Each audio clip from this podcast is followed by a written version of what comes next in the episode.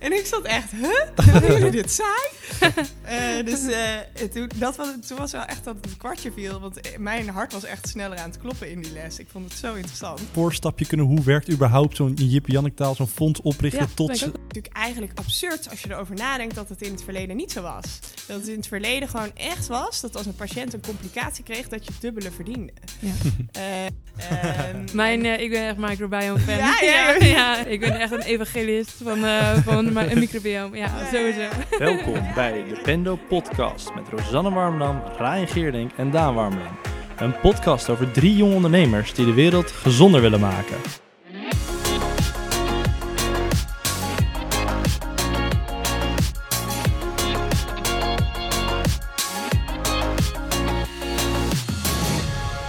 Welkom bij de zevende aflevering eh, van de Pendo Podcast. Vandaag hebben we een eh, gast, Verlies Verduin. Ze is investeringsmanager bij eh, LSP. Verlies, ontzettend leuk dat je er bent. Eh, Ja. Vaak hebben we een openingsvraag voor de gast. Wat is gezondheid voor jou? Wat is gezondheid voor mij? Nou ja, ik denk dat gezondheid is eigenlijk iets wat we allemaal een beetje voor lief nemen. Eh, dat merk ik in ieder geval wel aan mezelf. En dan zeker in een tijd als dit, met de pandemie, dan word je toch weer even met je neus op de feiten gedrukt hoe belangrijk het eigenlijk is. Ehm, en dat eigenlijk alles stopt als je niet gezond bent. Ehm, en eh, ja, in mijn werk ben ik natuurlijk de hele dag bezig met gezondheid. Ehm, maar dan vooral vanuit ziekte bekeken. Eh, dus ik denk dat het voor mij heel erg duaal is. Dat aan de ene kant ben ik, ehm, eh, ja, ben ik gewoon heel erg blij dat ik gezond ben en dat mijn omgeving gezond is. En dat neem ik dan heel erg voor lief. En tegelijk ben ik eigenlijk de hele dag aan het strijden, zo voel ik het een beetje, om te zorgen dat eh, andere mensen die dat geluk niet hebben, ehm, ja, dat wellicht weer eh, toch grotendeels terug kunnen krijgen. Mooi. Wat is jouw achtergrond? Wat heb je gestudeerd? Hoe ben je op dit punt gekomen nu waar je nu bent? Ja, eh, mijn achtergrond is neuroscience. Dus ik heb eh, vanuit de ja, neurowetenschappen-kant eh, ben ik hier ingerold. Ik- dat was ook eigenlijk altijd wel mijn interesse. Vroeger wilde ik altijd professor worden. Dat zei ik ook tegen iedereen. Ook al als klein meisje moesten mensen ook wel om lachen. Ehm, maar eigenlijk toen ik eenmaal die wetenschap inging... eh, ik heb ook nog onderzoek gedaan aan Harvard Medical School... En toen merkte ik gewoon al heel snel van... Ja, ehm, dit ben ik misschien niet helemaal. Me, ik had me heel erg gespecialiseerd in de statistische genetica. Eh, en dus ik zat heel veel achter een computerschermpje. En eh, eh, ik merkte gewoon dat de andere mensen in het lab... die vonden dat eigenlijk heel erg fijn. Als ik dat dan ook vroeg van... vind je dat nou niet saai, heel de dag achter je schermpje? En dan zeiden ze eigenlijk van... eh, nee, dat is eigenlijk precies wat ik wil. Eh, eh, en, en dat had ik niet. Dus ik merkte ook dat mijn lievelingsdag in de week was dan donderdag. Want dan hadden we presentaties aan elkaar en dan gingen we erover over onze onderzoeken praten. Dacht ik, ja, dat is gewoon niet goed. Dus toen ben ik eigenlijk overgegaan naar McKinsey, strategie consultancy. En daar heb ik eigenlijk van alles gedaan. Echt van nou, projecten in Nigeria over olie en gas tot aan hier eh, retail eh, projecten. Maar uiteindelijk wel ook een focus een beetje op eh, me- medische sector gaan zoeken. En toen ben ik nog een MBA gaan doen aan Columbia University in New York. En daar echt gerealiseerd dat, ja, dat ik toch wel een heel disproportionele interesse bleef houden voor eh, ja, die healthcare, voor de gezondheidszorg. Ehm, en dus eh, daar ook heel veel vakken eh, toen ingedaan. En eigenlijk bij terugkomst besloten om bij LSP te gaan werken. Ehm, en LSP staat eigenlijk voor Life Sciences Partners. Eh, dat, ja, we zeggen nu echt altijd LSP, dus de afkorting wordt niet gebruikt. Maar even ter context, dus het is echt heel breed investeren over het spectrum van life sciences. En dat houdt eigenlijk in dat we investeren in eh biotech, medical devices eh, en diagnostiek. Ehm, en nu tegenwoordig ook een beetje digital health. Kijk, Ja. Kijk, daar dat gaat ons willen we hart horen. ook sneller van kloppen. nee, lijkt me ontzettend. En, en die interesse kwam dat.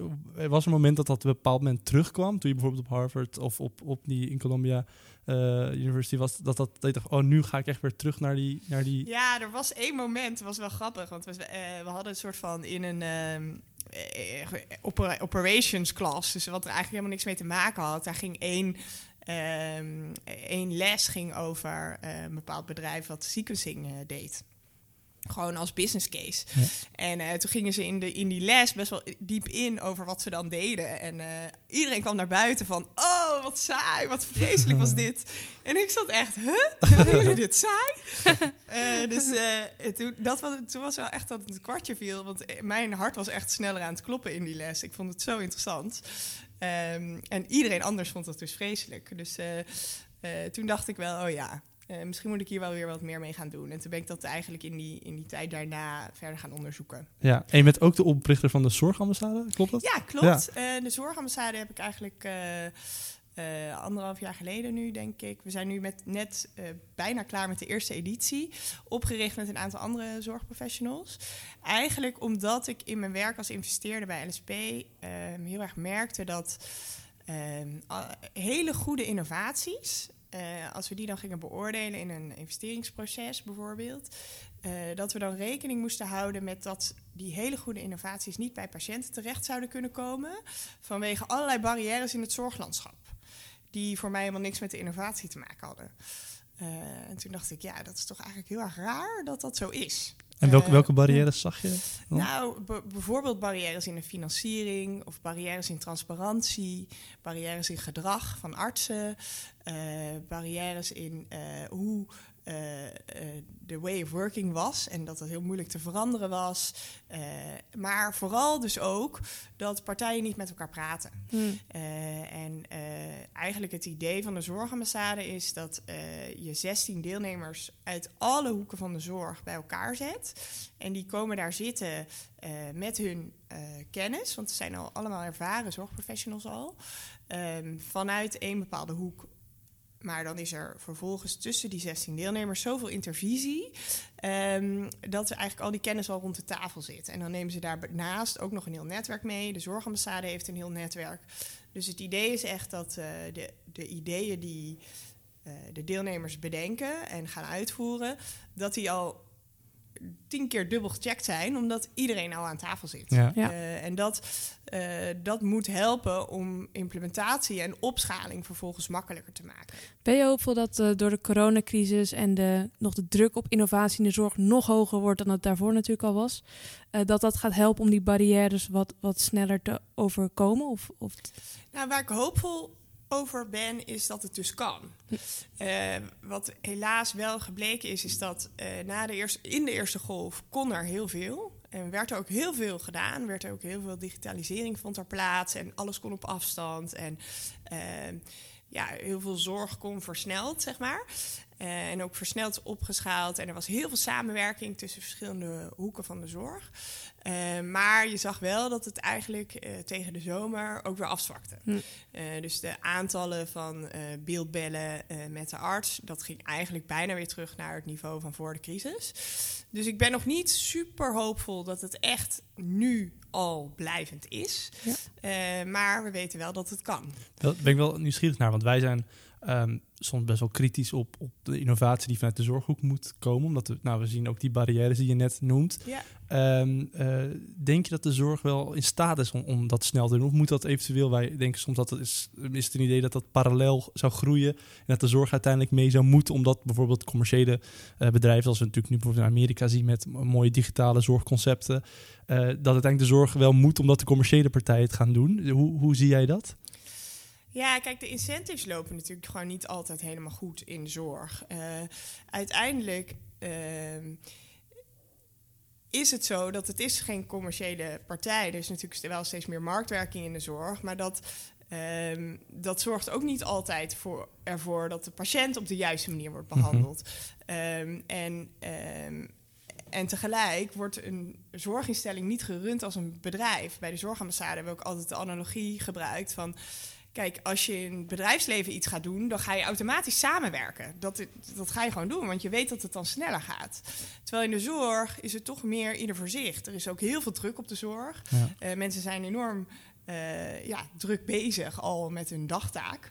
Eh, en dus gaat het gewoon vaak mis. En er zitten natuurlijk bepaalde regels aan vast. En het is ook heel belangrijk dat die regels er zijn. Want ja, zoals we aan het begin van de uitzending al zeiden, zorg is natuurlijk fundamenteel. Eh, dus als zorg misgaat, ja, dat kan niet. Vind je het niet heel frustrerend? Want ik kan me voorstellen dat je heel veel mooie innovatie ziet die je beoordeelt of, of investeert. En ik van nou, je kan dat zo in het ziekenhuis inzetten en dan kunnen zijn zoveel patiënten meteen bij gebaat. Ben je niet dan soms gefrustreerd dat dat niet zo makkelijk gaat? Ja, daar ben ik heel gefrustreerd over. Dat was dus ook wel echt de reden om, uh, om dit te bedenken. Kijk, dat is, uh, dat, dat is denk ik gewoon een heel mooi begin. Als, als partijen met elkaar gaan praten en eigenlijk zien dat iedereen hetzelfde doel voor ogen heeft. Ja. Uh, iedereen wil uiteindelijk wel dat die innovatie bij die patiënt komt. Of in ieder geval dat de kwaliteit van de zorg omhoog gaat. Ja.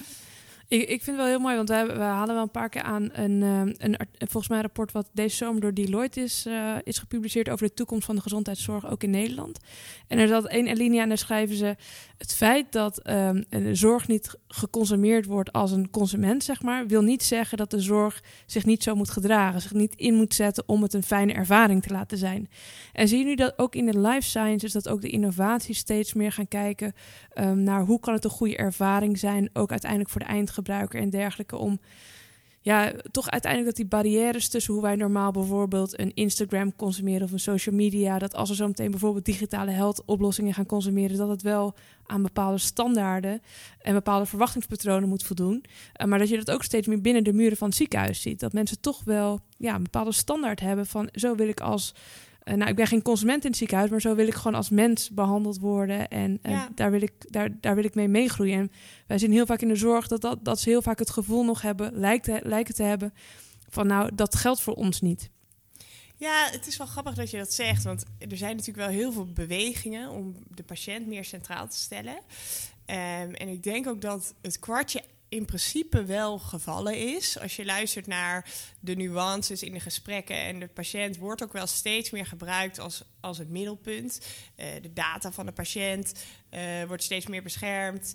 Uh, de keten in het ziekenhuis wordt steeds bewuster in kaart gebracht. Hè? En er wordt ook steeds meer gedacht vanuit een soort pad wat een patiënt moet volgen in de verschillende stappen in het zorgsysteem, zeg maar.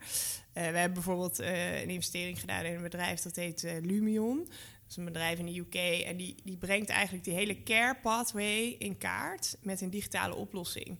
En die zorgt er dus echt voor dat, nou ja, van afspraken maken tot het contact met de dokter, dat dat allemaal één systeem is. Ja. En, en, dat is eigenlijk zo logisch, maar zo hebben we eigenlijk nooit gedacht. En gelukkig begint dat steeds meer zo te zijn. En ja, je hebt natuurlijk ook de beweging naar bijvoorbeeld value-based healthcare, hè, waarin dus uh, de uitkomst van de behandeling eigenlijk bepaalt uh, hoeveel je kan verdienen aan een behandeling. Ja, het is natuurlijk eigenlijk absurd als je erover nadenkt dat het in het verleden niet zo was. Dat het in het verleden gewoon echt was dat als een patiënt een complicatie kreeg, dat je dubbele verdiende. Ja. Uh, en, en, en gelukkig zijn er steeds meer aanpassingen in, maar tot op zekere hoogte werkt het nog steeds zo. Ja. En, en hoe is jouw idee dan ook bij bijvoorbeeld het elektronisch patiëntendossier? Want natuurlijk in Nederland, uh, wij zitten namelijk wel best wel natuurlijk altijd te besje en, en hebben kritiek op de zorg. Maar we zijn ook heel erg bewust dat we natuurlijk in Nederland een heel goed zorgsysteem hebben. Ja. Uh, waar we ook heel erg trots op moeten zijn. En ook met digitale gezondheid um, is dat bijvoorbeeld elektronisch patiëntendossier lopen we natuurlijk wel weer voorop in, in, in Europa met hoe we dat proberen te organiseren. Ja, nee, dat is ook zo. En dus ik denk ook echt wel, en dat is ook echt niet het punt wat ik wil maken. Kijk, de Nederlandse zorg uh, doet echt wel heel erg zijn best. En we ja. zijn ook echt koploper. En op heel veel vlakken steken we gewoon met kop en schouders boven anderen uit. En uh, zeker als je natuurlijk vergelijkt met andere landen in de wereld, uh, gaat het hier ook zoveel efficiënter. En ja, in, inderdaad, het elektronisch patiëntendossier, da daar lopen we mee voor. En um, maar toch is het bizar eigenlijk dat ondanks dat we dan zo uh, voorlopen, dat, dat we denk ik allemaal wel die bepaalde frustratie heel erg hebben. Van nou, jammer dat het bepaalde innovaties en dergelijke niet doorheen komen. En aan de andere kant horen we bijvoorbeeld ook weer van VWS, ja, maar het is ook gewoon niet houdbaar wat we op dit moment ja, daar ben hebben. Ik naar, ja. Dat hè, binnen nu in 20 jaar is in principe dit systeem wel failliet en, en zijn de kosten zo hoog dat ja. we dat waarschijnlijk als maatschappij niet meer bereid zijn om, om met z'n allen te betalen. Dus dat vind ik altijd wel. Ik vind dat altijd een heel interessant spanningsveld. Dat die soms denk ik namelijk zelf ook bij, bij mezelf. Nou, die frustratie, uh, Roos, stop het even een beetje weg. Want we doen ook heel veel goed natuurlijk in, in ja. de zorg. Uh, en het is ook zo. Maar aan de andere kant is het ook heel gegrond. Omdat we wel op een soort van tijdsdruk zitten. Dat er wel echt wel uh, systematisch oplossingen moeten komen. Ja, dus er, moeten dingen denk ik nog steeds efficiënter. En ik denk dat digitalisering daar enorm bij kan helpen. Maar eh, het, een groot deel in ieder geval eh, van wat ik zie... kan ook echt van innovatie komen. Want heel veel dingen die nu veel geld kosten... eh, zijn bijvoorbeeld de, de zorg voor ouderen. Ehm, en ja, als je het dan hebt over wat is gezondheid... gezondheid is natuurlijk ook op een normale en fijne manier kunnen leven met een hoge kwaliteit van leven. En het probleem eigenlijk met het feit dat we nu steeds ouder worden, is dat we ook een hele grote groep mensen hebben die dat eigenlijk niet meer kunnen. Eh, en dat kost ook heel veel geld. Ehm, dus eh, als er innovaties komen die eigenlijk zorgen dat we ziektes, eh, zoals bijvoorbeeld dementie, kunnen uitstellen. Eh, dan kan dat ook betekenen dat eh, de lasten draaglijker worden. Ik vind, Want ja, ik vind het een heel interessant spanningsveld die je zegt. Want vaak hoor je innovatie moet de zorgkosten gaan drukken of terughalen. Maar soms zeg ook, ja, technologie, juist die, die mooie technologie die we hebben, die kosten heel veel geld in de laatste levensjaren om mensen dat één jaar of soms twee jaar langer eh, een goede kwaliteit van leven te geven. Hoe zie jij dat spanningsveld van, gaat innovatie, kost het nou in verhoudingswijze heel veel en levert het op? Of gaat het ons dat echt drastisch van die 175 miljard, dat die rode stip op de horizon, voorkomen dat we daar als een, eh, een trainwreck eh doorheen gaan beuken, zeg maar? Ja, ja, leuke vraag. Want ik heb nog niet zoveel over LSP verteld. Maar we, hebben, we werken eigenlijk met verschillende fondsen. Waaruit we dus investeren in, in ja, innovatieve bedrijven.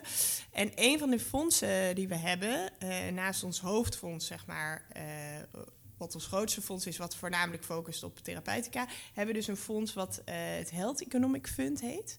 En dat, eh, dat, is nu, dat is nu in de tweede generatie. Dus de- het eerste fonds eh, dat is al volledig geïnvesteerd. En nu zijn we met het tweede fonds bezig. Ehm, en dat Health Economic Fund heeft eigenlijk dus precies dit doel. Dus we investeren daar in bedrijven, eigenlijk alleen in de medical device, digital health en diagnostiek. Dus niet in therapeutica. ehm, die innoveren dus, en de kwaliteit van zorg verbeteren. Maar tegelijk kosten reduceren. Ja. Ehm, en eh, de manier waarop je dus dan kosten reduceert, kan bijvoorbeeld zijn door ehm, minder lang een bed in een ziekenhuis bezet te houden, minder eh, invasieve operaties, waardoor eh, een patiënt e- eerder geneest of eerder naar huis kan, minder terugkerende bezoeken aan. ehm, aan het ziekenhuis, maar ook bijvoorbeeld minder complicaties, en minder infecties. Ehm, en dat soort eh, zaken, dat is natuurlijk voor iedereen goed. Hè? Ja. Want het kost het zorgsysteem minder, maar de patiënt is blij. Ehm, en, en uiteindelijk eh, eh, ja, profiteert dus iedereen daarvan. Zelfs ook de arts. Alleen het feit dat de technologie dan geld kost, dat wordt dan al in het sommetje meegenomen. Ja. Hè, dus, de, dus de kosten moeten wel opwegen tegen de baten. En, en liefst echt daar een kleine fractie van zijn. En zie je, daar heb je mooie voorbeelden van, van ondernemingen die zeggen van ja, die gaan echt een grote hap van dat zorgkosten doen afnemen. Heb je daar. Nou ja, de- we hebben allerlei eh, voorbeelden. Eén heel mooi bedrijf uit ons eerste fonds, eh, wat ook inmiddels eh, verkocht is aan een grotere partij. En dus nu eh, ja, eh, ook al- verkocht wordt aan patiënten en ook veelvuldig gebruikt. Is een bedrijf van, eh, dat heet Nuravi, dat was een Iers bedrijf. Ehm, en wat zij eigenlijk eh, hebben is een... eh, Eigenlijk wa- wat er gebeurt als je een beroerte krijgt, eh, is eh, dat je, je krijgt een, een propje in de hersenen. Eh, en tot nu toe werd dat eigenlijk altijd eh, opgelost met medicijnen die eigenlijk zorgen dat dat propje weer oplost. Mhm. Eh, maar dat kan best even duren en het is niet altijd, eh, werkt niet altijd even goed. Dus wat eigenlijk Nuravi heeft ontwikkeld is eh, een, mechanische manier om eigenlijk nou, via de lies dan dat propje er gewoon uit te trekken met Mhm. een soort van ja, roostertje. En het propje dus vasthouden en, en dus door de lies naar buiten te halen. En er is dus ehm, echt bewezen dat door dat gewoon meteen te doen, dat de uitkomsten significant veel beter zijn. Ja, en je betaalt dan dus wel voor dat apparaat. Ja. Hè? Want het het medicijn is al een tijdje op de markt, dat is ook niet meer zo duur. Ehm, maar dat, eh, dat apparaatje kost, kost dus wel wat. En de, en de procedure ook. Maar de uitkomsten zijn dusdanig veel beter. Eh, dat je gewoon ziet dat eh, patiënten gewoon een stuk beter herstellen. Je moet je voorstellen, eh, patiënten die een beroerte hebben gehad, ja, dat kan tot verlamming leiden. Eh, dat, dat worden patiënten die komen misschien wel in een rolstoel of in een verzorgingstehuis. Dat zijn echt hele grote kosten voor het zorgsysteem. En als je dat kan verminderen of je kan zorgen dat een patiënt er gewoon goed uitkomt, Ja. ja, dat is Daar wint iedereen bij, ja. Daar wint iedereen bij, ja. Mooi voorbeeld. Ik dacht mooi, misschien een mooi bruggetje naar de Wall of Fame. Zeker weten. Ehm, ja, jij hebt iemand voor ons meegenomen. Elke week nomineren we iemand die eh, zijn of haar manier het, eh, ons inspireert, die meer gezondheid eh, in de wereld creëert. En wie heb je voor ons meegenomen, Felice? Nou, ik dacht dat het eh, leuk was om eh, professor Philip Scheltes te noemen. Heel toevallig is hij ook eh, twee weken geleden geridderd in de orde van de Nederlandse leeuw. Dus ik denk dat het wel een soort van aangeeft eh, wat hij eigenlijk al betekend heeft voor, ja, voor Nederland en voor de wereld. Eh, hij is eigenlijk een professor op het gebied van eh, Alzheimer. Ja, in, de, in de brede zin de dementie. En ook de oprichter van het Alzheimer Centrum Nederland. eh, ge- geleerd aan het eh, Amsterdam UMC. Ehm, en hij is eh, ja, al, eh, al jarenlang eh, leider eigenlijk in het veld. Hij heeft ook al meer dan duizend publicaties eh, over Alzheimer. Ehm, hij heeft vele prov- promovendi opgeleid. Ehm, en natuurlijk ook heel veel klinische studies begeleid. Daar is hij ook echt expert in. En hij heeft ook een beetje zijn levenswerk gemaakt van eigenlijk Alzheimer op de kaart zetten. Ja. Want het punt is eigenlijk dat heel veel mensen het heel lang zagen als... Ja, mensen worden ouder en dan gaan ze dingen vergeten. Dus is het wel een ziekte? Ja. En nu weten we eigenlijk pas echt dat het echt een hele ernstige ziekte is. En ja, het is een beetje raar om te zeggen midden in een pandemie, maar als we niet opletten, wordt dit echt het grootste probleem van onze generatie. En eh, ja, zijn, eh, zijn de kosten voor eh, de maatschappij gewoon niet meer te overzien als we allemaal steeds ouder worden. Het is toch wel bizar hoe, hoe Alzheimer eigenlijk de, de top van de, van de grootste impactvolle chronische ziekte toch wel echt heeft beklommen de afgelopen decennia. Zeker. Komt het ook deels door, door extra inzicht? Of, of denk je ook echt wel dat het, dat het meer voorkomt in, de, in onze generaties? Nou ja, we, we worden meer ouder. En, Ja. en bijvoorbeeld eh, het feit dat nog steeds eh, veel mensen roken of ongezond leven, dat helpt absoluut niet.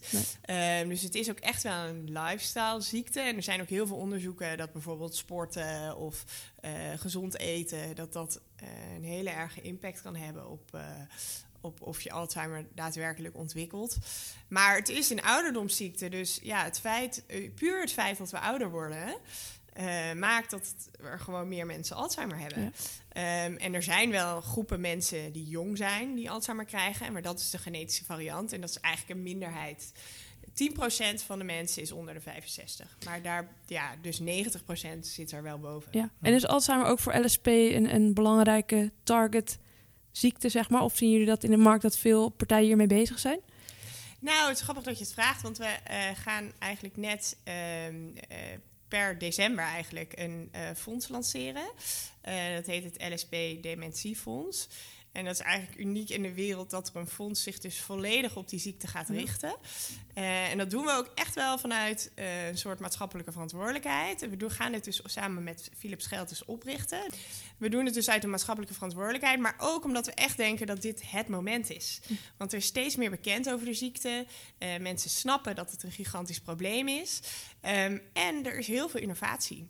Eh, eindelijk komt er een beetje eh, aandacht voor, ook van overheden bijvoorbeeld. Dus er is ook steeds meer funding voor onderzoek. Dus er zijn ontzettend veel interessante ontwikkelingen. En nu we dus ook kunnen snappen hoe je dit op de juiste manier ontwikkelt, welke patiënten je voor moet gebruiken voor een klinische studie, denken wij dat het ook goed zal gaan. Want op dit moment, ja, er zijn een, eh, nu op dit moment vijf medicijnen goedgekeurd voor Alzheimer, maar geen één pakt de oorzaak van de ziekte aan. Nee. Alles is een heel klein beetje een soort van helpt bij de bepaalde symptomen, cognitieve symptomen of angstsymptomen. Ehm, maar, maar dus niks wat echt ingrijpt op de mechanismen die we eigenlijk nu al wel beginnen te ontrafelen. Super interessant. Ook denk ik dan wel, omdat natuurlijk, eh, in ieder geval wat ik weet van Alzheimer, natuurlijk de, de ontzet van, de, van de, wanneer de ziekte begint al ver voordat er symptomen komen. Natuurlijk al, Ja. al vooral in de hersenen natuurlijk al de eerste, eh, ja, veranderingen te zien zijn. Dus het lijkt me ook nog best wel moeilijk om inderdaad de juiste groep op het juiste moment om echt die wortel aan te pakken. Daar zou er toch een bepaalde preventieve screening of, of vanuit die hoek ook gekeken moeten worden. Van nou, hoe kunnen we dat eerder zien bij mensen? Zeker. En dit is echt een heel interessant spanningsveld. Ook. Nou, en dat is ook wel de reden dat er bijvoorbeeld ook onderzoek wordt gedaan ehm, in, in patiënten met de, met de genetische versie van de ziekte. Hè? Want die hebben het eigenlijk al sinds de geboorte. Begint het uh, proces eigenlijk al in gang, wordt het proces al in gang gezet in de hersenen. Um, maar ja, uh, vroege diagnose is heel belangrijk. En, uh, want op dat moment kan je nog goed ingrijpen. Op het moment dat de patiënt al zo ver weg is, uh, dat de hersenen al dusdanig beschadigd zijn, dan, ja, dan is uh, het herstel is echt heel erg moeilijk. Terwijl als je ze vroeg kan identificeren, dan, ja, dan kan je therapie echt nog wel goed effect laten zien. En, en, en de ziekte wellicht een heel stuk uitstellen en misschien zelfs wel gedeeltelijk voorkomen. Um, en uh, gelukkig, zoals ik net zei, heeft bijvoorbeeld professor Scheltens, maar ook andere topwetenschappers hebben nu gewerkt aan een manier om bijvoorbeeld in het bloed al te kunnen vaststellen of met veel verschillende manieren van imaging al bepaalde markers te kunnen zien, om het steeds vroeger met zekerheid te kunnen zeggen. Want dat is eigenlijk ook het probleem geweest. Er zijn wel veel, ook grote farma's uit, uh, bezig geweest met het ontwikkelen van medicijnen. Maar die hebben eigenlijk altijd de verkeerde patiënten geïncludeerd. Hm. Die patiënten die hadden soms helemaal geen Alzheimer, ja. ze hadden geen idee. Uh, en ja, dan is het natuurlijk ook heel moeilijk om te laten zien dat je medicijn effect heeft.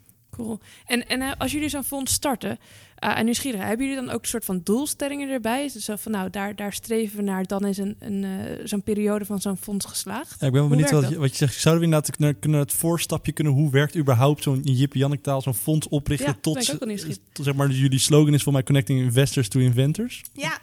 ja hoe kun je, kun je ons meenemen hoe dat hele proces eigenlijk uitziet? Tuurlijk, van zo'n, ja. Nou goed, kijk, we investeren dus vanuit een fondsstructuur. Dus eigenlijk betekent dat dat we geld ophalen van partijen.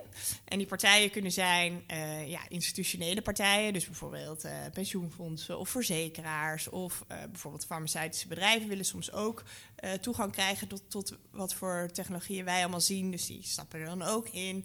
Um, meer banken, um, maar ook individuen, rijke individuen die um, ja, graag hun kapitaal willen investeren in deze sector. En dan voor het dementiefonds specifiek kun je natuurlijk ook denken aan ja, partijen die daar affiniteit mee hebben. Dus we positioneren dementiefonds ook wel als een impactfonds. We denken ook wel dat het, dat het namelijk heel veel impact kan en gaat hebben. Um, maar dus het idee is dat je, je haalt dan geld op. In dit geval hadden we dan een beoogd bedrag van 100 miljoen. We denken dat we daar wel iets overheen gaan. Um, en we gaan dus in december waarschijnlijk toe naar een eerste closing, heet dat dan. Uh, dus dan gaan we als voor het eerst zeggen van nou, dit, dit fonds gaat er komen. Dus we hebben hier een primeur aan tafel. ja. en, en, en dat, ja, dat, dat wordt dan een bepaald bedrag en dan kunnen we beginnen met investeren. Ja. ja. En, uh, en dan, nou goed. En vanaf dan, dan krijg jij de pot met geld. Dan en dan mag jij uh, de portemonnee. Ja, en, uh, en, en die investeerders, die, die, ja, die hopen natuurlijk na een aantal jaren iets terug te zien hè, van hun geld. Dus, dus je moet een beetje verwachten dat na een jaar of vier, vijf uh, de eerste bedrijven weer verkocht worden of naar de beurs gaan en wij dan weer wat aandelen kunnen verkopen. Maar de hele investeringsperiode duurt tien jaar. Dus, ja. uh, dus meestal investeer je dan de eerste vijf jaar en dan in, de, in de vijf jaar daarna komt, komt langzaam het geld weer terug. En in welke fase investeren jullie vaak in bedrijven? Is dat early stage of is dat als, als bedrijven iets verder zijn en nog een doorontwikkeling moeten maken? In welke fase investeren jullie vaak? Ja, bij LSP maken we eigenlijk een, uh, een beetje een gemixt portfolio over het algemeen. Uh, dus het ligt een beetje aan de fondsen, want elk fonds heeft eigenlijk meer een verschillende doelstelling. Um, uh, en ook een bepaald mandaat heet dat dan. Dat is eigenlijk wat je afspreekt met de investeerders waarin je investeert. Dus dat Health Economic Fund, wat ik net noemde, dat richt zich specifiek op wat latere fase, omdat je dan heel snel heel concreet de impact kan zien. Dus daar moet het bedrijf wel heel dicht bij de markt zitten. Ehm, maar eh, in de andere LSP-fondsen, dus bijvoorbeeld onze grootste fondsen, dat zijn eigenlijk eh, de fondsen die we al sinds het begin hebben. LSP investeert al 30 jaar in eh, dit soort bedrijven. Ehm, dat fonds heet nu LSP6, dat is ook ons grootste fonds, is 550 miljoen euro. Ehm, daar investeren we eigenlijk in een heel erg mix tussen eh, nou, ongeveer 40% early stage. Dat is, daar moet je echt voorstellen, dat is een professor met een patent. Ja. Ehm, en zo, dus een spin-out van een universiteit. Eh, vaak, of, of bijvoorbeeld een spin-out van een farmaceutisch bedrijf, kan ook. Ehm, en dan de andere gedeelte van eh, het portfolio is weer wat later. Dus dat heet dan meer de development fase. Dus zoals ze echt al in de klinische studies zijn. Ehm, of, of zelfs eh, pre-exit, zoals we dat dan noemen. Dus eh, redelijk, redelijk kort voordat wij denken dat de grootste waardecreatie eh, wordt behaald. Ehm, en, en eigenlijk is een sweet spot, zou ik zeggen, is dat wij investeren op het moment dat er bewijs is in bijvoorbeeld een diermodel. En dat dan heel duidelijk kan worden aangegeven dat het gaat werken in mensen. Eh, en dat wij dat risico halen we er heel vaak uit. En is dat jouw taak, die risicoafweging maken tussen, nou, ik denk nu dat er waarde gaat komen als we nu instappen? Of wat is jouw, precies jouw... Ja, dus wij zien, eh, nou, afgelopen jaar waren het 1400 voorstellen per jaar. Zo. dus dat is echt een heel, heleboel bedrijven. Ehm, en dat, we zijn wel met een aantal mensen die dat doen. Dus we hebben ook een heel team van eh, associates ehm, die dan meehelpen met de beoordelen van de, van voorstellen. Eh, maar ik denk dat we naar ongeveer 100 bedrijven in wat meer detail kijken als, als bedrijf. Ehm, en daar doen we dan echt, nou, zo, noemen we dat dan due diligence op. Ehm, en eh, dat, dat is vooral in ons geval heel erg op de wetenschap. Dus eh, ik heb, bellen met heel veel experts. Ehm, gaan ook echt in, eh, heel diep zelf door al hun documenten heen. eh, lezen we publicaties. Eh, maar we gaan ook andere dingen van het bedrijf bekijken. Dus hoe ziet het team eruit? Eh, hoe ziet de structuur van het bedrijf eruit? Wat, is de wat zijn de plannen? Hoeveel geld heb je nodig? Eh, denken wij dat dat realistisch is? Eh, dus al die dingen gaan we door de molen halen. En als wij echt denken dat er nou, een hele grote met niet is... eh, en dus de, de wetenschap heel solide... ja, dan zullen we het verder nemen en de investering maken. En, en wat zijn een aantal trends die jij hebt gezien in de afgelopen jaren in die life sciences hoek? Of, of zijn er trends in te benoemen? Ja, eh, nou, er zijn, eh, er zijn altijd wel een, paar, een aantal hot topics, zeg maar. Eh, dus bijvoorbeeld, eh, nou, eh, vorig jaar, ik denk het, het, het buzzword van 2019 was waarschijnlijk gene therapy. Eh, en, eh, en, je, en je hebt in 2018 was het volgens mij microbiome. Ehm, Mijn, eh, ik ben echt microbiome fan. Ja, ja, ja. ja. Roos zit in het lab, eh, veel de darm onderzocht ja, in Canada. Ik ben echt een evangelist van, eh van mijn microbiome. Ja, Ja, sowieso. Ja, ja. Ja, nee, en ik denk ook echt dat het eh, heel interessant kan zijn. Ik denk alleen, het is best wel moeilijk. Je hebt eigenlijk meerdere manieren om eh, ermee om te gaan. Eh, dus eh, je, je kan zeg maar een soort van shotgun approach toepassen op je microbiome en zeggen van nou, je gaat het gewoon helemaal vervangen met t- transplantatie, fecal transplant. Ja, ja, ja. ja. En, en dan ga je gewoon, word je genezen. We weten niet precies waarom, maar het Prima. gebeurt. Ja, of je kan zeggen van, nou, in het microbioom zitten een aantal kleine targets die interessant kunnen zijn om aan te passen.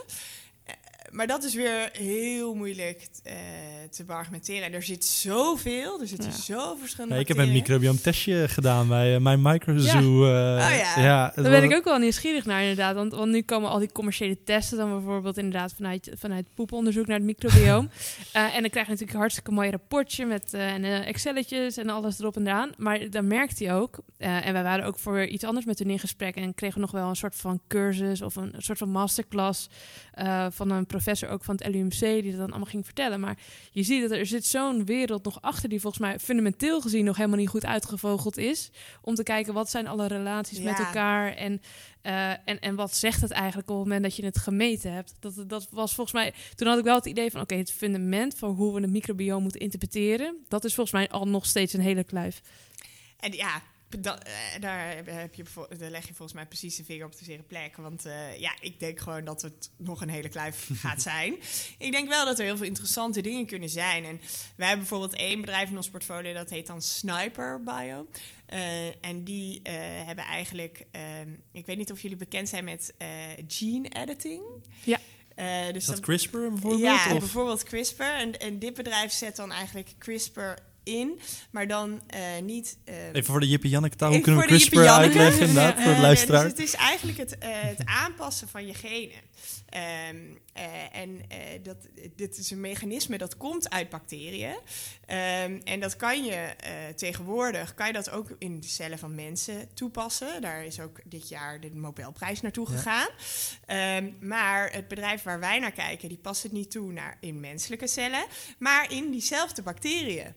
Eh, want zo is het oorspronkelijk bedoeld. En dan, dat is wel interessant, kan je dus in je microbioom, hè, dus in je darmen bijvoorbeeld, als daar een infectie zou zijn, kan je dus heel selectief, kan je dus zeggen, woep, ik knip dit er even uit. Ja. Ehm, en eh, als je dan dus het natuurlijke mechanisme van CRISPR, dus dat gen eh, eh, aanpassen, ehm, gebruikt, dan kan je dat dus heel ge- geselecteerd doen. En dan is het dus niet, want wat, wat het probleem is eigenlijk met CRISPR, in ieder geval in het. In het vroege fase waarin het nog zit, is dat het risico's met zich mee zou kunnen brengen. Of ze zouden misschien niet specifiek genoeg kunnen zijn.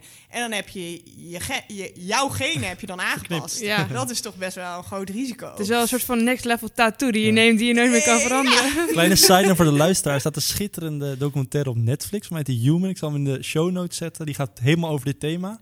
Dus voor alle, zoals ik als eh bio-leek, eh, jullie weten er veel meer niet meteen. Maar die legt het heel goed uit wat het is. Dus wel, ik zal het in de show notes zetten.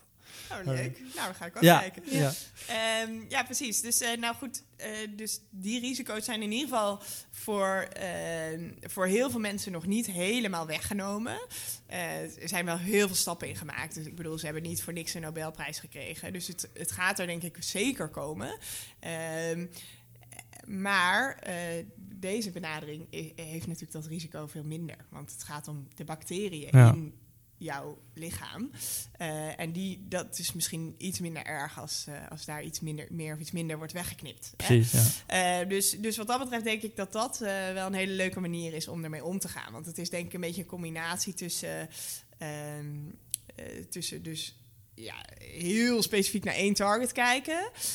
en toch wel specialistisch, specifiek genoeg om, ja, om wel denk ik een effect te hebben. Nou, misschien is het een leuk bruggetje als we het over de buzzwords hebben. Als het aan ons ligt, wordt het buzzword van 2021 volgens mij digital health. Ja. Wij, wel, ik ben wel, wij zijn Ja. wel heel benieuwd denk ik, naar jouw visie op, op hoe, hoe digitale zorg eh, zowel de zorgdruk gaat verlichten als ons meer gezonde jaren gaat geven. Ja, ja, het is een goede vraag. Het, i- we hebben het er natuurlijk al even over gehad dat eh, eh, digitale zorg natuurlijk even een opleving had begin eh 2020. Ehm, en eh, dat we ook wel echt denken dat, eh, dat het er moet gaan komen. Maar dat er dus blijkbaar nog wel wat barrières zijn. Want eh, na de eerste golf kwam het toch, kwam het toch niet helemaal weer de, de, de, de, het dal van de pandemie door, zeg maar. Ehm, maar ja, je hebt natuurlijk de, digital health is natuurlijk veel, nog veel breder dan dat. Eh, en ehm, eh, ja, wij zien natuurlijk ook bijvoorbeeld de opkomst van digital therapeutics. eh, wat ik bijvoorbeeld ook zelf een hele leuke ontwikkeling vind.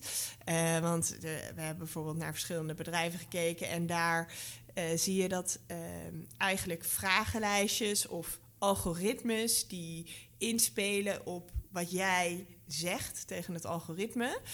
Ehm, dat die soms even effectief zijn in bijvoorbeeld psychische aandoeningen Ja. als eh, een medicijn. Eh, en zeker aangezien dit een eh, redelijk onderbelichte categorie is voor medicijnen, is heel weinig innovatie. Het is gewoon waanzinnig moeilijk om daar iets te vinden wat goed werkt en niet te veel bijwerkingen heeft. Denk ik, nou, dat is toch wel heel veelbelovend wat daar allemaal kan. Dus eh, wat er in de geestelijke gezondheidszorg allemaal zou kunnen met, eh, met, met deze digitale medicijnen eigenlijk. Eh, dat, ja, dat vind ik persoonlijk heel interessant. En je ziet ook al wel dat een paar bedrijven daar wat aandacht mee trekken.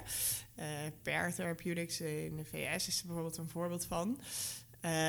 Maar het is, het is nog niet straightforward. Ze hebben echt veel werk moeten doen met regelgevers om te zeggen van... nou, wij zijn een medicijn. Ja, ja. Eh, en en, en dat, dat begrijpen ze in eerste instantie niet zo goed. Dus dat, dat is een, heleboel eh, educatie is daarvoor nodig en, en handholding. Uh, om te zorgen dat, uh, dat dat dus een algemeen geaccepteerd ding is. En ook voor de patiënt zelf. Want die patiënt zelf heeft zoiets van... Uh, hallo, ik sta nu al vijf maanden op de wachtlijst voor een therapeut... en nu krijg ik een computerprogramma. ja, ja. dus die perceptie is ook gewoon nog heel moeilijk. Ja. Dus het, ik denk dat het nog wel even duurt... voor het echt geaccepteerd is. Uh, maar ik denk wel dat het een hele interessante engel kan zijn. Uh, toevallig hadden we het er gisteren of eergisteren hadden over... en ik weet heel stom, maar ik weet even de naam niet meer... van uh, was ook een Amerikaans bedrijf en die had ook een AI... Um, en ik kon dan psychische hulp bieden, maar die hadden ook AI vooral ontwikkeld over hoe jij reageerde. Dus de druk die ja. je op je touchscreen gaf en met Precies, wat voor woorden ja. je reageerde. Uh, en dan die AI die, die kon dan een, soort van vlaggen of een soort van gradatie van jouw, uh, waarschijnlijk van je stresslevels of mentale gezondheid. Ik weet niet of dat een beetje te zwart-wit misschien is om te zeggen. Maar, uh, en daardoor als ze dachten dat jij in nood ging komen door dus de reacties die je gaf op je telefoon, dan gingen ze dan, dan ging hun vangnet zeg maar ja. werd geactiveerd toen dacht ik, ja, dat is, toen hadden we het over. Nou, misschien vooral inderdaad in die mentale gezondheidszorg ben je natuurlijk altijd best wel gebiased als iemand je vraagt, nou, hoe gaat het? Of, en dat zulke hele onbewuste dingen, zoals hoe snel je antwoordt op iets of, of wat voor uh, woorden je gebruikt, dat dat misschien wel heel erg kan helpen ook om, om veel meer inzicht te krijgen in mentale gezondheid. Zeker. En ons, ons wat meer, uh, zeg maar, iets objectiever daarop uh, te ondersteunen. Ja, ik vind het uh, ja, heel mooi wat je zegt. Want ik denk precies in, in dat soort stoornissen. Weet je, het is. We hebben nog lang niet uitgevonden wat er allemaal achter zit. En uh, in heel veel gevallen zijn natuurlijk veel van die ziektes. die worden nu nog als één ziekte gezien. Maar er zijn zoveel verschillende kanten aan en zoveel verschillende mechanismen bij betrokken. Dat begrijpen we nog lang allemaal niet. Um, en dus ik denk dat als je uh, bepaalde categorisatie zou kunnen maken met uh, met dit soort algoritmes, dan kan je ook veel gerichter, meer een beetje weer terug naar het andere buzzword, personalized medicine, ja. kan je veel gerichter uh, behandelmethoden kiezen, wat past bij een bepaalde subgroep. En die subgroepen, dat is gewoon denk ik heel moeilijk voor ons als mens, omdat het allemaal een spectrum is. Ja. Um, zeker in die mentale gezondheidszorg. Het verschil tussen normaal en ziek is al niet zo duidelijk. En, en dan binnen een ziekte, om daar dan nog onderscheid in te maken, ja, dat wordt bijna onmogelijk. Ja, en, en inderdaad, uh, toen ik begon met studeren, biomedische wetenschap was in 2008 volgens mij. Toen ging het al over, over personalized medicine. En toen was dat ook helemaal niet nieuw natuurlijk. Maar dat, was, is een soort van belofte die natuurlijk al decennia wordt gedaan in, dit, uh, in de life sciences en, uh, en deze hoek. Denk je dat digitale gezondheid een sleutel kan zijn om uiteindelijk die, die belofte over personalized medicine deels in te lossen? Ja, kijk, we zijn natuurlijk wel echt al heel ver gekomen sinds bijvoorbeeld 2008. Hè? Ja. Dus in de oncologie bijvoorbeeld is personalized medicine eigenlijk al een beetje, nou, in ieder geval veel meer aan de orde van de dag. Um, dus we hebben al wel stappen gezet, maar ik denk uh, wat je voor personalized medicine moet kunnen, is gewoon heel veel kleine hokjes maken. Ja. Heel veel groepen maken. En liefst eigenlijk tot op de persoon. Ja. Uh, Zo'n klein hokje. Ja. Uh, en, en hoe meer data je hebt, hoe, meer, hoe beter je dat kan. Ja. En uh, ik denk dat digitale, digitale hulpmiddelen daar cruciaal in zijn. Want ja, hoe ga je anders? Je gaat niet met een, vragenlijst, ga je er niet komen. Nee. dus hoe meer je kan meten... Dus je kan meten uh, hoe, hoeveel iemand op een dag beweegt. Je kan meten uh, hoe vaak iemand op een dag zijn stem verheft. Je kan meten hoe vaak iemand op een dag een hoge hartactiviteit heeft. Ik bedoel, al die parameters kan je op een gegeven moment meenemen. En dan kan je dus op allerlei manieren, en, en, en de algoritmes worden ook steeds slimmer kan je op allerlei manieren verbanden zoeken. Ja, want uh, geloof je het net als inderdaad, uh, volgens mij is nu in, in Amerika is het 30% en in Europa nog iets uh, rond de 25% van de mensen heeft een, heeft een wearable. En is dus, als je ervan uitgaat dat ze hem allemaal dragen, ook constant bezig data van zichzelf te verzamelen en, en ergens op te slaan op dit moment. Wat zien jullie als potentie van die leefstijlgerelateerde data die op dit moment wordt verzameld? Ik, ik denk dat die uiteindelijk gigantisch is. Het is alleen. Uh, op een gegeven moment is het gewoon zoveel data. We zien ook zoveel bedrijven op dit moment die bij ons aankloppen met een eh, investeringsvoorstel, die dan gaan zeggen van. eh, ja, eh, wij hebben een oplossing eh, om data te verzamelen bij patiënten in het ziekenhuis. En op basis daarvan kunnen wij eh, predictie geven voor eh, ofwel drug discovery, eh, ofwel eh, de juiste behandelmethode, ofwel we groeperen die data en dat in, zichzelf heeft, heeft waarde. Maar dan denk ik, ja, er zijn zoveel aanbieders, zoveel mensen. Het is op een gegeven moment enorm moeilijk om het kaf van het koren te scheiden. Eh, er zijn er dan een aantal aan het begin, nou, die krijgen enorm veel tractie en die krijgen enorm veel aandacht en die krijgen dan een waarde toebedicht. En dan heb je een heel groot groepje bedrijven die het volgt. En, en wat is daar dan nog precies het onderscheid in? Ja. Ja, dat, dat vind ik nog niet heel makkelijk te zien. Nee. Ik, ik weet ook nog wel in een EY-rapport dat ik ook van de week las over Life Sciences 4.0. Dat ging over een beschrijving, soort van in de innovatie van de Life Sciences. En die zeiden van Life Science 4.0 gaat steeds meer naar data-gedreven platform. Dat ook Life Science bedrijven steeds meer nou, data-gedreven gaan worden versus die eh, health value en health outcomes. En zij gaven daarin eigenlijk als grootste barrière of als een grote uitdaging dat er eigenlijk een soort van supra-platforms moeten komen. Die, die, dat die al eigenlijk de data die al die losse bedrijven en losse oplossingen ophalen. eh, dat daardoor heel, heel erg veel ehm, silo's gaan ontstaan waarin Ja. al die data zit opgeslagen. En uiteindelijk je daardoor. Zij hadden dan volgens mij, zeg ik even uit mijn hoofd, een inschatting dat 80% van die data daardoor eigenlijk onbruikbaar wordt. Eh, omdat het allemaal ja, op verschillende plekken zit. Het is op verschillende manieren gelabeld. Het is op verschillende manieren gestructureerd. En dat je eigenlijk zou moeten streven naar een soort van supra-platform... eh, die veel onpartijdiger is, die veel neutraler is... waardoor je dus veel meer gebruik zou kunnen maken van die waarde van die data. Ja, mooi. Ja, met dat soort, met dat soort dingen is het altijd heel moeilijk. Ehm, heel veel dingen qua data delen zijn eigenlijk een no-brainer. Ja. Ehm, en eh, toch gebeurt het niet. Eh, en het punt is denk ik gewoon een beetje van... er zijn, er spelen zoveel belangen mee. Kijk, al die bedrijven die nu data aan het verzamelen zijn... en denken dat ze op een pot met goud zitten... gaan die dat zomaar op een platform delen... eh, open source... eh, zonder daar iets voor terug te krijgen. Dat denk ik niet. Ehm, biobanken ook niet. Eh, dus, dus of het kost heel veel geld. Ehm, en uiteindelijk ook, van wie is het dan? Hè, dus zo'n platform, heel leuk, maar is dat dan van de overheid? En wat mogen ze daar dan precies mee? Of is het van bedrijven? En wat mogen zij daar dan mee? Of is het van patiënten en moeten ze dan voor alles toestemming geven? Of geven ze dan breed toestemming? En aan wie dan? Eh, dus daar, zitten, daar hangen zoveel vraagtekens nog aan. Dat ik denk, tuurlijk, het is echt een no-brainer. Ik bedoel, niemand hoeft erover na te denken. Het zou echt super fijn zijn als we met z'n allen heel veel data kunnen delen. Maar het is gewoon niet zo makkelijk. Nee. En dus er spelen gewoon heel veel belangen mee. En ergens is dat wel heel frustrerend. Is dat ook een van de grote barrières die jullie zien... bijvoorbeeld bij de zorgambassade? Ja, heel erg eh, eh, zo. En op 25 november, even reclame maken, is de, eh, is de eindpresentatie van de zorgambassade. En zul je ook zien dat eigenlijk veel van de oplossingen en ook veel van de geïdentificeerde vraagstellingen wel gerelateerd zijn aan het delen van data. Hm. En de transparantie en de barrières die daar dan bij komen kijken. Dus eh, ja, een aantal groepjes hebben ze ook specifiek leuke oplossingen bedacht om, eh, om een deel daarvan ook op te lossen. Leuk. Nou, interessant. Ja. 25, kan je dat volgen ergens? Is het 25 een live... eh, Ja, dat is een webinar. Oh, ja, leuk. Eh, ja, zeker. Dat En kunnen mensen zich alweer aanmelden voor een volgende editie? Of, ja, ja, dat is ook nog een goeie. Ze kunnen zich ook aanmelden voor de volgende editie. Eh, dus de deadline is nu over een week. Dus, eh, ja. Dus eh, aan de bak. Ja. Ja. nou ja, we komen wel, dat, dat is eh, misschien een beetje een zijstapje, maar we komen wel echt, echt in dit veld zoveel enthousiaste ook geneeskundestudenten en, en mensen tegen die nou, wel echt heel bevlogen zijn om, om heel veel van deze barrières eh, te helpen doorbreken. Dat, dat merk je wel echt. Ik heb vooral onder de geneeskundestudenten ben ik echt super hoopvol eh, dat je daar echt ziet dat, dat echt studenten ook verandering eisen en ook heel graag ja, buiten hun eigen vakgebied mee willen doen met die innovatie eh, en daar een steentje aan bij willen dragen. Dus dat vind ik altijd wel heel erg leuk om te zien. Dus ik weet zeker dat een aantal daarvan dit ook heel interessant vinden. Ja, wat goed zeg. Ja, want dat is uiteindelijk wel zo. eh, die generatie moet het gaan doen, hè? Zeker. Eh, en want ik noemde als een van de barrières gedrag. Ehm, hè, dat, eh, dingen zijn natuurlijk gewoon vastgeroest. En voor een reden. Hè? Dus ik, dit is echt geen kritiek.